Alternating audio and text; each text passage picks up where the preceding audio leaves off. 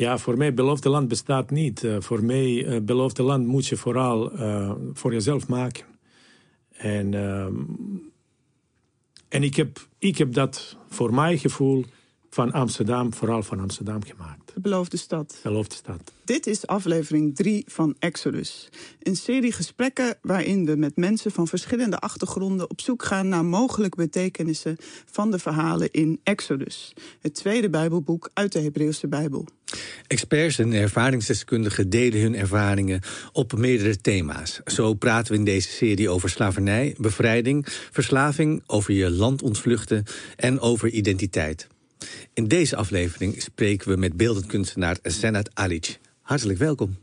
Dank u wel. Ja, Senat, uh, dank dat je bij ons te gast bent.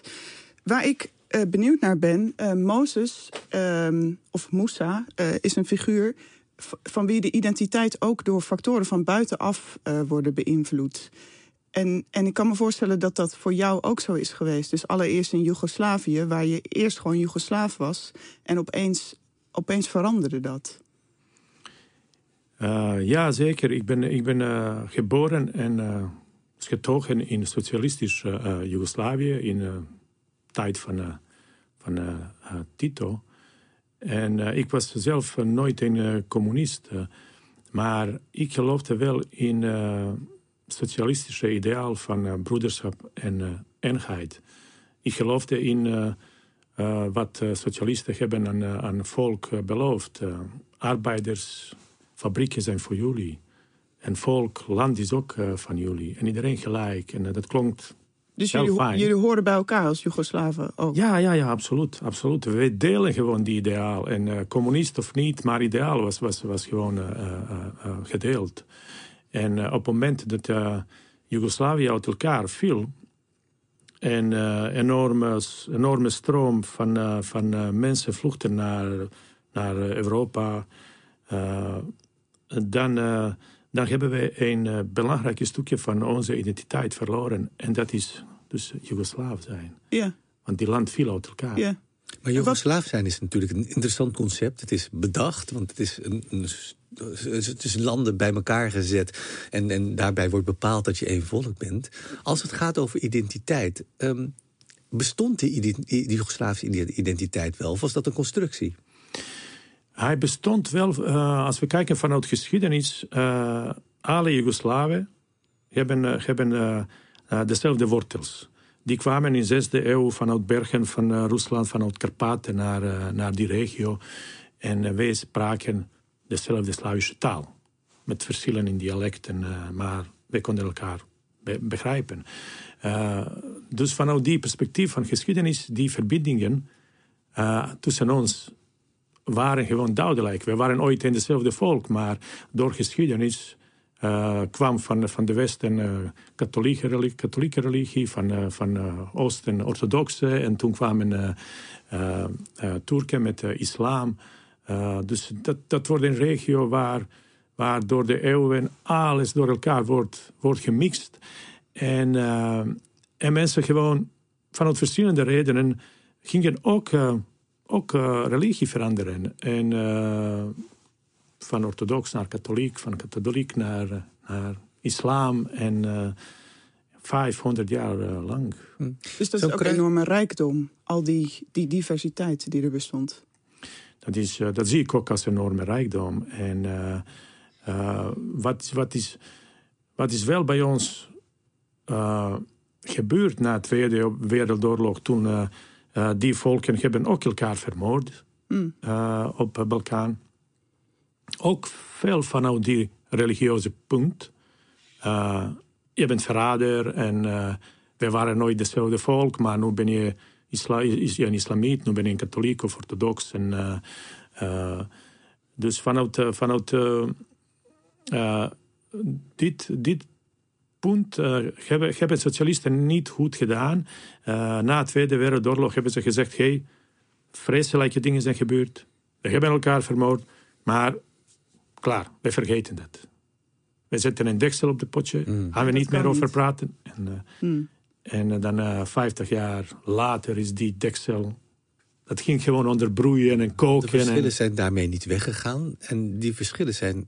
Uh, zeg je nou dat de verschillen religieus geïnspireerd zijn? Dus de, de, waar het de kruispunt van verschillende religies was.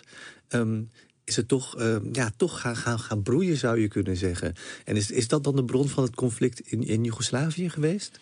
Ik heb, ik heb dat, uh, die vraag. Mijn vader was uh, opgegroeid in een islamitische familie. maar toen, na de oorlog, socialisten kwamen. wat ze hebben gezegd, sprak hem aan. En hij is een communist geworden. Mm. Hij is echt een overtuigde communist geworden. Hij geloofde gewoon in die, in, in, in die ideaal. Uh, maar later heb ik hem gevraagd: hey, waar is die 50 jaar broederschap, eenheid gebleven? Mm. Uh, en hij zei tegen mij: We hebben onze best gedaan. Ik geloof oprecht dat wij, mijn generatie, zijn generatie, hebben best gedaan om, om, uh, om echt dit land nog beter, nog mooier voor jullie te maken. Maar toen, Tito ging dood, begin jaren 80. En dan veel van, uh, van die leerlingen van uh, Tito dachten, ja, hij was een uh, grote meester, maar ik ben ook zo'n grote meester. Ik ga hem zelf overtreffen. Maar dat kon alleen als je alles wat Tito heeft bereikt, die moet je stuk maken. Mm. En toen kwam die nationalisme. Ja, ja. En toen kwam, wij zijn de beste, onze volk eerste. En die andere die moet je niet vertrouwen. Ja. Want die anderen hebben ons toen 500 jaar dit gedaan. Duizend jaar geleden hebben ze. En dan, uh, en dan volk die, die luisterde eerste, die kon niet begrijpen. Die dacht, hé, hey, maar wat gebeurt hier? Waarom moet ik nu anders naar mijn uh, boerman kijken? Moet ik hem haten? Uh, we hebben altijd met elkaar goed, goed samen, samengeleefd. Ehm, dus het was nationalisme wat ook werd gevoed door religieuze verschillen en ook door etnische verschillen. Ja, vooral, vooral dit recept. Uh, en dan uh, in die tijd hadden we ook economische crisis. En dan hebben ze dit ook gebruikt, die, die politici, media, die, die hebben gewoon televisie, politici hebben verteld: hey, het gaat niet goed. We zitten in een enorme, enorme crisis. Mm. Ongekend na grote economische hyperinflatie in Duitsland.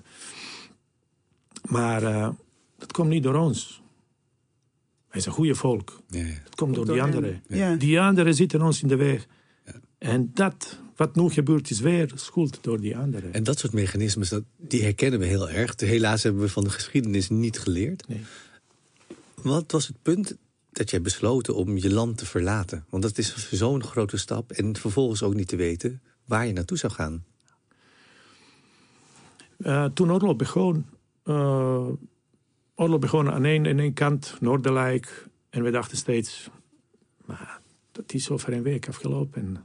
Niemand is zo gek mm. om, om uh, die oorlog te voeren hier. Maar oorlog mm. ging gewoon door en kwam steeds dichtbij. En, en, mijn vader zei op een moment, jullie moeten vertrekken. En hij vertelde ook ik heb ook in de Tweede Wereldoorlog moesten vluchten. Mm En toen we kwamen, terugkwamen, het huis was verwoest en we hebben gebouwd. En, uh, en nu gaan jullie weer vluchten. Uh, maar wat jullie moeten doen, één ding, zorgen dat jullie kinderen gaan nooit meer vluchten. Uh, dat is iets wat is bij mij gebleven. en toen dacht ik, ja, daar gaan we. Mm dan eh, vertrekken we met, uh, met veel pijn in, in, in je hart. Uh, het is toch een, een, een vertrouwde omgeving. alles wat je ziet, prachtige bergen en landschappen, rivieren, taal, geuren, alles, alles ben je, ben je kwijt. Alles voordat je binnen weggetrokken. En dan, en dan val je in een enorme ruimte. Ehm, dat dat je zich vraagt, en uh, waar, nu, hmm. welke kant. Want jullie hebben veel rondgetrokken. Jullie zijn niet gelijk in Nederland aangekomen. Eerst naar Hongarije gegaan. Uh, daar ook de verschillende ambassades geprobeerd. Wat doet het met je als je het gevoel hebt dat je niet welkom bent? Of dat je nergens een, een ander huis vindt? In Hongarije uh, dachten we, we blijven hier een tijdje tot oorlog voorbij is. En, uh, en dat gaan we gewoon terug. Maar uh, in, in Hongarije is tegen ons gezegd... jullie kunnen hier helemaal niet blijven. Jullie hebben, ik weet niet, halve dag tijd om het land te verlaten. En we hebben gezegd, ja, maar we weten niet waar. Nou, dat is jullie probleem. Jullie moeten gewoon weg uit dit land. En uh, toen hebben we bij Oostenrijk geprobeerd, maar we konden niet in. Dus uh, je moet steeds beslissingen nemen. Je voelt zich niet welkom. Uh, en het enige wat je, wat je graag wil, is ergens onderdak boven je hoofd krijgen. En niet meer dan dat. En, en afwachten dat, dat je terug kan. Maar die onderdak was niet. En, en eh, we kwamen in Tsjechië en in, in Tsjechië was niks geregeld. En, en toen dachten we, oké, dan, dan trekken we door. tot we ergens een plek vinden. En, en ja, na pogingen om, om in Duitsland te komen, want we hadden geen visum, we hadden niks. Dan, dan kan ik gewoon niet in. En vooral dat dat 100.000 vluchtelingen trokken naar, naar Europa, uit voormalig Joegoslavië. Alle grenzen waren gewoon dicht. En wat deed het met, jou, met jouw eigen identiteit, met je perspectief van wie jij was, om, zo, om, om, om iemand te zijn die geen thuis heeft of die nergens welkom is ook? Uh, onderweg was ik vooral bezig met overleven.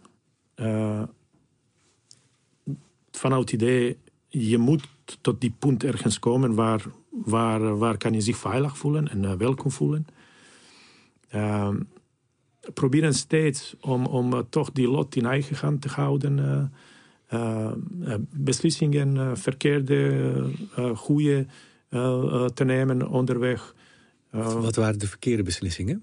Verkeerde beslissingen waren bijvoorbeeld dat we gingen terug naar helemaal van de grenzen naar ambassade, omdat ze hebben gezegd ga maar naar de Duitse ambassade in, in Praag en dan krijg je jullie visum. Mm. En dan ga je helemaal terug en zeggen, nee, klopt niet. Klopt niet. Ja.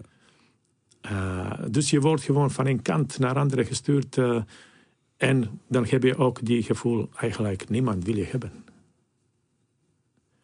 Niemand wil je hebben. En, ehm, maar je moet, je moet doorgaan. En, en toen we in Duitsland kwamen we kwamen in Berlijn, die was vol met, eh, met vluchtelingen. En overal hoor je Joegoslavische taal. Uh, mensen op straat. En via via kwamen we bij een vrouw. die, die, woonde, die woonde in een kleine woning. En daar sliepen 50, bijna 50 mensen nachtenlang op de grond. Ja, ja. Echt als uh, sardinetjes op de grond. Ja. En die vrouw was geweldig. Die zei vanaf acht s avonds, jullie zijn welkom. En in de ochtend om acht gingen we allemaal weg. Ze ging schoonmaken. En we gingen de straat in. En dan, uh, ja, waar, weet ik niet. En dan weer die avond kom je terug. En dan ga je maar je had al kinderen in die tijd, toch? Ja, ik had een, uh, we hadden een zoon van zes maanden. En wat doe je dan als je dan de hele dag op straat bent? Ja, ja je loopt. Je loopt gewoon. En... En dan, ja, je, je, zoekt, je zoekt naar, naar, naar een signaal, naar iets dat je denkt, dat is, dat is misschien een signaal, hoe moet ik verder? Mm. Uh, en praat je veel met mensen. Je, je ontmoet mensen op straat en mensen zeggen, ja, ik ga naar Zweden. Toen dachten we, we gaan ook naar Zweden.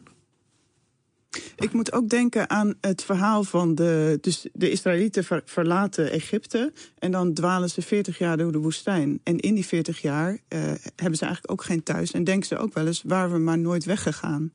Heb jij wel eens gedacht: het was een foute beslissing om te vluchten? Ik had, ik had moeten blijven. Ja, dagelijks. Hmm.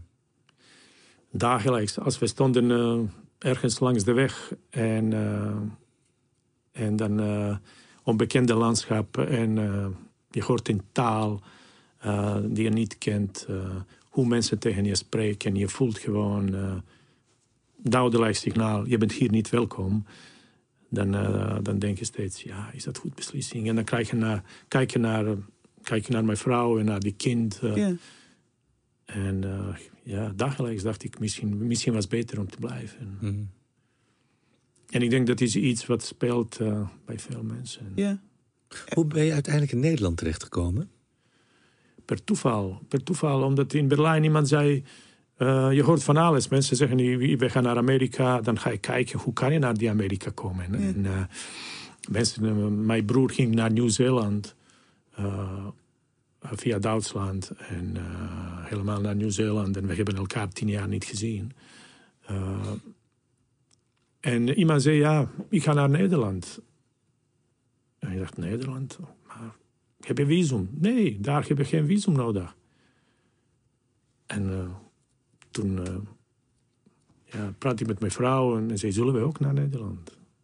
Want uh, in Berlijn was, was gewoon gekke chaos. En we probeerden daar in, in, in, in, in slaapplek te krijgen, maar het was gewoon te vol. Hm. Berlijn was te vol. En zo is Nederland, Nederland geworden, echt per, um, per toeval. En uh, we kwamen in een kerk, die was toen als opvang ingericht. En daar hebben we geslapen, een aantal dagen. En, en daarna van één AZC naar andere AZC. Dus, en wat was het eerste moment dat je in Nederland dacht... hier wil ik blijven? Dit is misschien een plek om te landen. In asielcentrum was ik, was ik vooral uh, met het idee bezig dat ik uh, terug wil. En ik wilde ook taal niet leren. En ik wilde ook niets weten van, uh, van omgeving, van, van, van mensen. en mijn vrouw zat, zat daar anders in. die, die begon snel Nederlandse taal te leren. En die, die maakte ook, ook, ook vrienden uh, uit het dorp. En ik was vooral bezig met schilderen, met tekenen. En uh, met het idee, ja, ik wil gewoon terug. Voor mij was uh, taal leren ook bijna capitulatie. een erkenning dat het land hmm. van vroeger bestaat ja. niet meer. Ja. En, en wat betekende dat schilderen voor jou? ik, ik heb op school Russisch en oude Latijns geleerd. Dus uh, ik kon niet met mensen westerse talen. Kende ik niet, een beetje Engels. Uh, en uh, schilderen was, was, was een manier om, om eerst mijn gevoel natuurlijk vorm te geven. Ik heb in, in Joegoslavië alleen maar landschappen geschilderd. en in AZC heb ik dat geprobeerd. Eerst dacht ik, ik ga gewoon Joegoslavische landschap schilderen bergen. Maar dat lukte me gewoon niet. Uh, op een of andere manier kon ik die bergen niet meer, en bos en rivieren, kon ik niet meer krijgen op mijn doek. En toen dacht ik, ik ga gewoon Nederlandse landschap schilderen. Uh, maar die kon ik ook niet omvatten. alles was anders. Bergen waren niet, wilde rivieren waren niet. Waar was je toen? Welke landschappen zag je om je heen? Zeeland. Zeeland. Wind kwam van alle kanten Ah, op. En ja. dan kijk ik daar een plant, uh, die staat zo en dan meteen zo. en dan denk ik, oké, okay. het licht veranderde ook Ja. heel erg snel. Alles in beweging. Alles was in beweging. En bij ons was het bijna stil. Ja. En, uh, Wel een mooie symboliek ook, waar, Ja. parallel met je leven in die ja, zin. ja, absoluut. absoluut. En uh, ik, kon, ik, kon, ik kon me daar niet in vinden. Ik kon niet verbinding uh, zo vinden met, met het nieuwe landschap. Met oude heb ik verbinding kwijtgeraakt. En, uh, en toen kwamen mensen op mijn doek. Mhm. Voor, voor eerst, dus zoals... Kwamen gewoon mensen. En ik denk dat... Dat heeft natuurlijk veel mee te maken met vertrek. Met, met wat gebeurt daar in land van herkomst. Wat gebeurt hier. Onzekerheid. Uh, en uh, ik heb toen ontdekt dat... Uh, wij, zijn, wij zijn gewoon als kinderen geleerd... Uh, je moet in elkaar vertrouwen hebben. Mm. Je moet op elkaar rekenen. En bij ons is ook gezegd... Uh, één voor alle, alle voor één. Mhm. Die socialistische, dus Mm. Laos.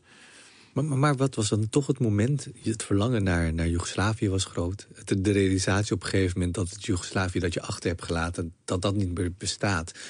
dat kwam op een gegeven moment ook. Wanneer heb je besloten, dit is dan de plek waar ik ga wortelen, opnieuw ga wortelen? Uh, Amsterdam speelde een grote rol daarin. Ja, want je wilde eigenlijk niet naar Amsterdam komen. Toch? Nee, nee, nee, nee. Ik was, ik was veel bezig met schilderen op AZC. En uh, dat was ook mijn manier om te communiceren met, met de wereld. Om mij, om mij mijn verhaal vertellen en mij zichtbaar maken daar. En uh, ik heb toen in AZC een grote van de schilderij gemaakt. En ze waren heel erg blij mee. En die, die schilderij kwam gewoon in, in de jaarverslagen, in boekje van Koa. En toen hebben ze gezegd, je gaat naar Amsterdam. En mijn vrouw was helemaal... Maar we willen helemaal niet naar Amsterdam.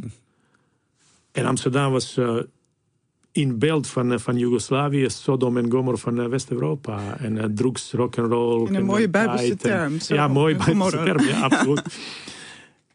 maar Amsterdam was voor mij ook, ook, ook ja, kunst, Rembrandt, mm. Van Gogh en... en en toen hebben we besloten, we gaan toch naar uh, Amsterdam. En uh, ik heb nooit spijt van gekregen, omdat ik vind dat uh, Amsterdam uh, heeft voor ons zijn poort opengemaakt. En in Amsterdam heb ik voor mijn gevoel alle tijd gekregen om, om te blijven zoals ik was. Maar toch steeds door die prikkels van de stad ging ik me veranderen. En uh, onbewust, onbewust op een, op een uh, Amsterdamse manier hoorde ik steeds meer bij, bij, bij, bij de stad. En, en toen begon ik me steeds meer hier thuis, thuis te voelen. Ja. En wat is die verandering dan? Wat voor appel deed die stad op je? Ehm, ik, ik neem veel dingen dankzij Amsterdam onder, onder loep. Uh, ik, ik moest alles daar achterlaten. Ik heb land kwijtgeraakt. En uh, het enige wat ik had is, is een rugzak vol met uh, eigen rituelen, gewoontes, manieren van leven, kijken naar anderen. En dat heb ik ook lang gedaan hier. Ik heb naar anderen vanuit mijn Balkaanse perspectief steeds gekeken. En ik vond veel dingen raar. Mm. Veel dingen waren anders. En, uh, uh, maar toen ik in Amsterdam kwam, uh, heb ik mensen ontmoet die, die had ik blijkbaar nodig. Een menselijke gezicht had ik nodig om, om land te begrijpen. Ja. En Amsterdam, divers. Ik zei altijd, die Amsterdam was, ik was verbaasd. Ik kwam vanuit een AZC, een wereld in klein. Ik kwam in Amsterdam en dacht ik, dat is één AZC groot. Alle culturen van, eh, van, van, van, van alle ja. wereld en, en talen en, uh, en geuren. En niemand kijkt naar elkaar en niemand is raar en niemand is vreemd. En dacht ik, ja, hier ben ik op mijn plek. Mm. Dat maakt dat je je thuis voelt. Ja, dat, ik, uh, en kunst natuurlijk. En uh, ik, ik kwam snel, begon ik als tekenaar te werken voor een aantal kleinere kranten en bladen in Amsterdam. Uh, ik ontmoet steeds, uh, steeds meer uh, mensen, vrienden. ik, Je leerde de taal? Ik leerde de taal. Door die prikkels dacht ik, ik, ik moet toch die mensen goed begrijpen. ik, ehm, ik heb in verschillende stichtingen die community art projecten gedaan, jaren gewerkt.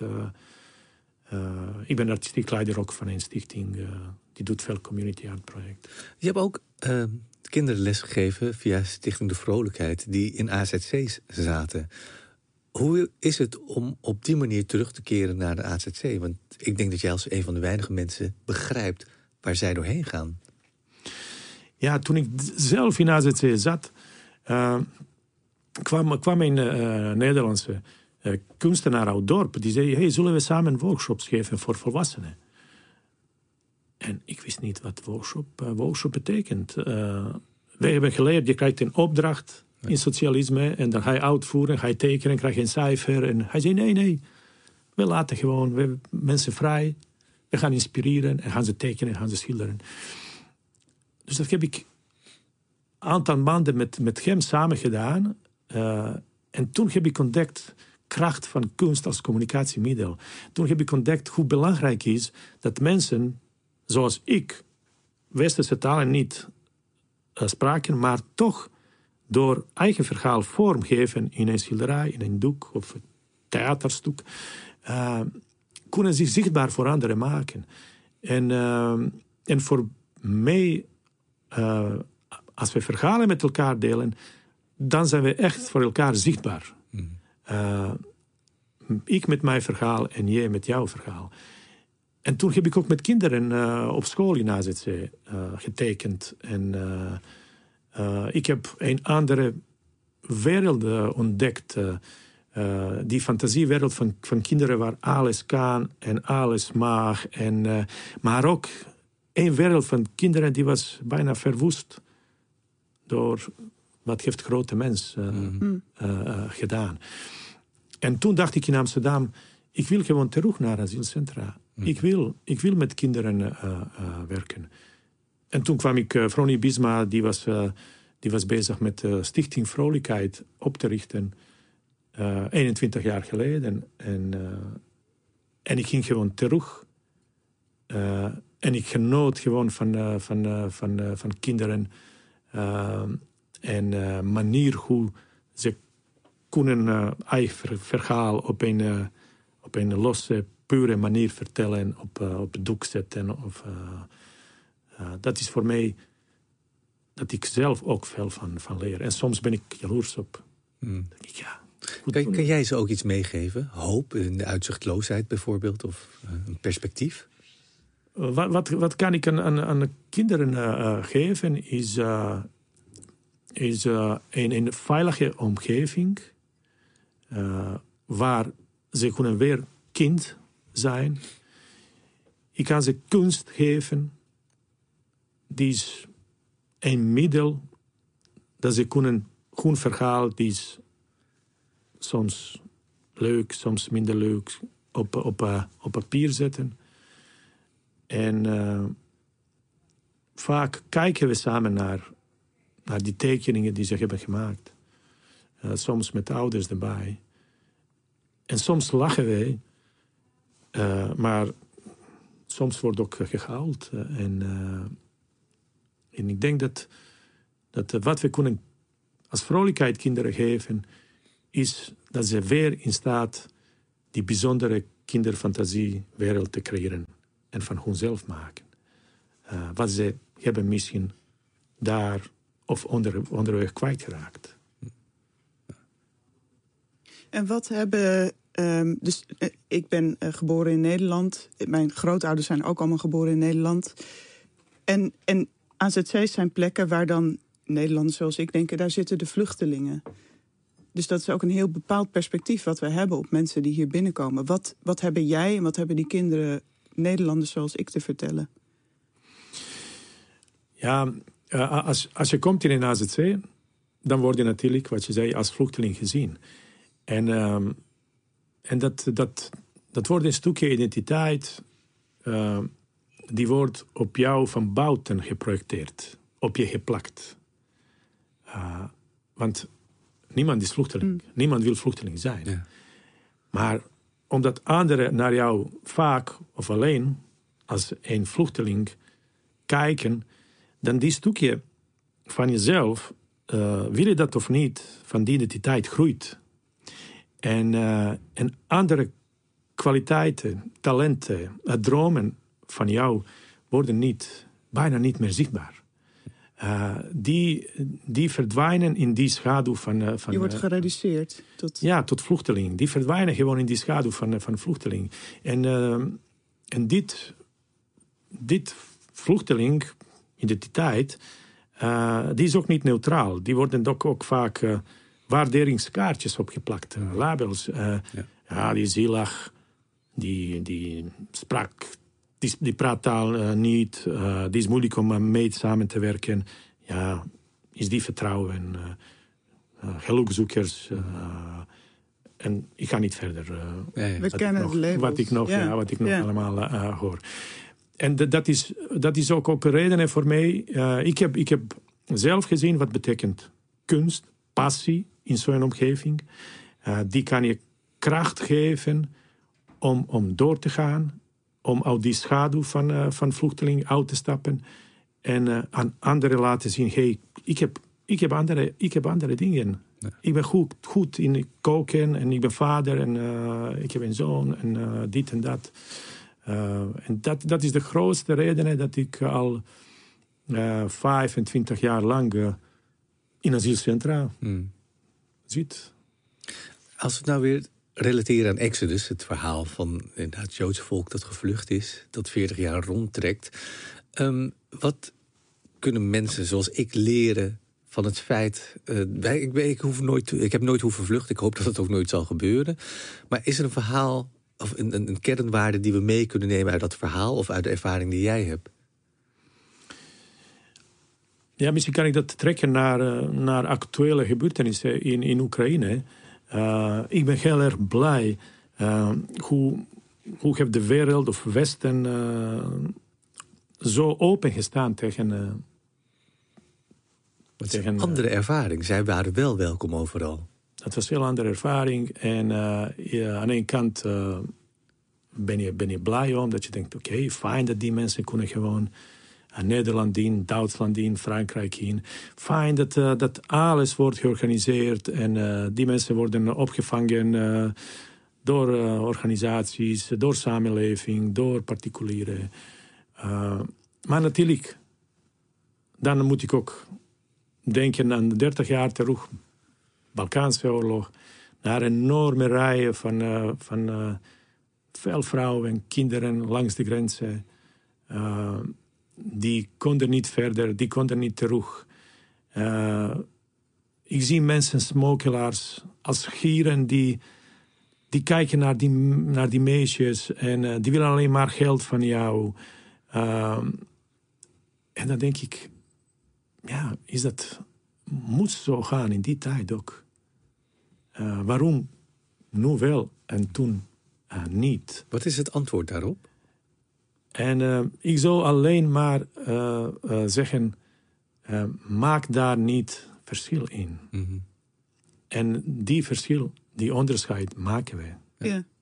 Maar, maar, maar, dat vind ik op zich wel interessant. Waarom 30 jaar geleden niet? En, en worden nu vluchtelingen wel met open armen ontvangen? Hebben we geleerd hiervan? Of is het opportunisme? Ja, kijk, hebben we geleerd? Ik, ik denk niet. Omdat zelf als je kijkt naar die stroom van vluchtelingen uit uh, Oekraïne, uh, daar wordt ook verschil in gemaakt. Daar worden ook jongens die zijn uit Afrika gevlucht of uit Syrië of uh, uit, ik weet niet, Afghanistan. Die worden ook vanuit die treinen, die gingen naar Europa, dus weggezegd. Ze konden niet in. Nee, zij mochten Europa niet in. Dus op basis van, van, van afkomst, van kleur, deze kunnen wel. Ze hebben blonde ogen. Ze hebben blonde haar. Maar jij niet. Ja.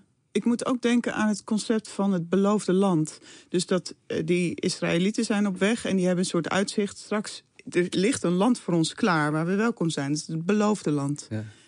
En ik denk dat Nederlanders wel eens denken: nee, dit is ons beloofde land en niet van jou. Ja. Dus heeft dat concept beloofde land voor jou zeggingskracht? En dan. Um, ja, voor mij beloofde land bestaat niet. Uh, voor mij uh, beloofde land moet je vooral uh, voor jezelf maken. En, en ik, heb, ik heb dat voor mijn gevoel van Amsterdam, vooral van Amsterdam gemaakt. De beloofde stad. De beloofde stad. en, en dankzij Amsterdam voel ik me echt in Nederland thuis. dus... en het is misschien ook de kunst om dan die beloofde stad met anderen te delen en er niet iets eh, exclusiefs van te maken. Ja, absoluut. absoluut. En ik, ik, heb, uh, ik heb ooit tien jaar geleden, uh, we hebben een project gedaan met die titel Beloofde Stad. En, en, dan, en dan hebben we volgens mij 15 kunstenaars gevraagd, hey, wat is de belangrijke plek voor jou in, in, in deze stad? En hoe kan je die op een of andere manier oud, uh, uitbeelden. Uh, en, eh, en, dan, en dan kom je, kom je achter dat, dat zelf een bank ergens bij een, bij een gracht, waar iemand, waar iemand heeft um, wekenlang geslapen, omdat uh, ja. wist niet waar moet ik nu. Ja. En dat is, dat is de bijzonderste plek voor iemand in Amsterdam, die bank. Ja, Waar Ja. heeft iemand wekenlang gewoon geslapen Ja. met de rugzak op zijn rug. ja. En het beloofde land is volgens mij dan ook het land dat je op een gegeven moment besluit eigen te maken, zoals jij dat hebt gedaan met Ja. Amsterdam. En dat Is. kan ook in, in, in zekere zin een keuze zijn, als de mogelijkheid geboden wordt. Ja, ja, ja. Dankjewel, de, de tijd zit erop, maar het is eh, indrukwekkend om, eh, om je verhaal te horen en om, eh, om je gedachten met ons te delen. Dus eh, hartelijk dank daarvoor. Zeker. Graag gedaan. Graag gedaan. Ik vond het een fijn gesprek. Gelukkig. Dat is wederzijds. Zeker wederzijds. Dank. Dankjewel. Oké.